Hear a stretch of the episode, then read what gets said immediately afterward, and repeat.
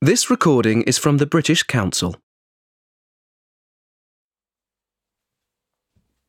Hello and good morning. Well, we're off to a good start in the south this week as most of the rain from the weekend has disappeared.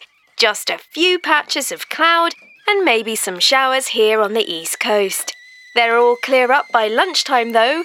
Over the next day or so, London and the area around Kent can expect a couple of isolated showers, but mostly dry through until Thursday.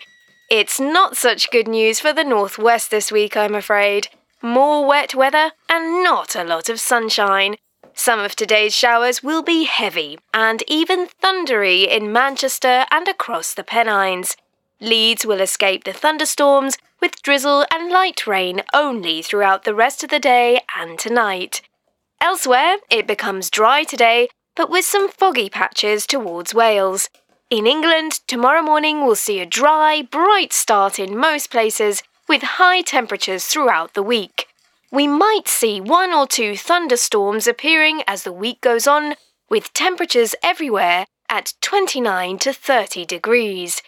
By the weekend, unfortunately, the dry weather will make way for mostly cloudy skies and rain.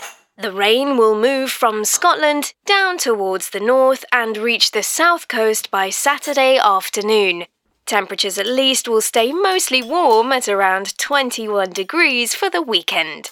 It might feel like a nice change from the high 20s and early 30s we'll see in the week. That's all from me until tomorrow.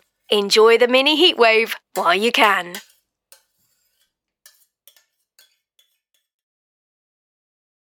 This recording is from the British Council.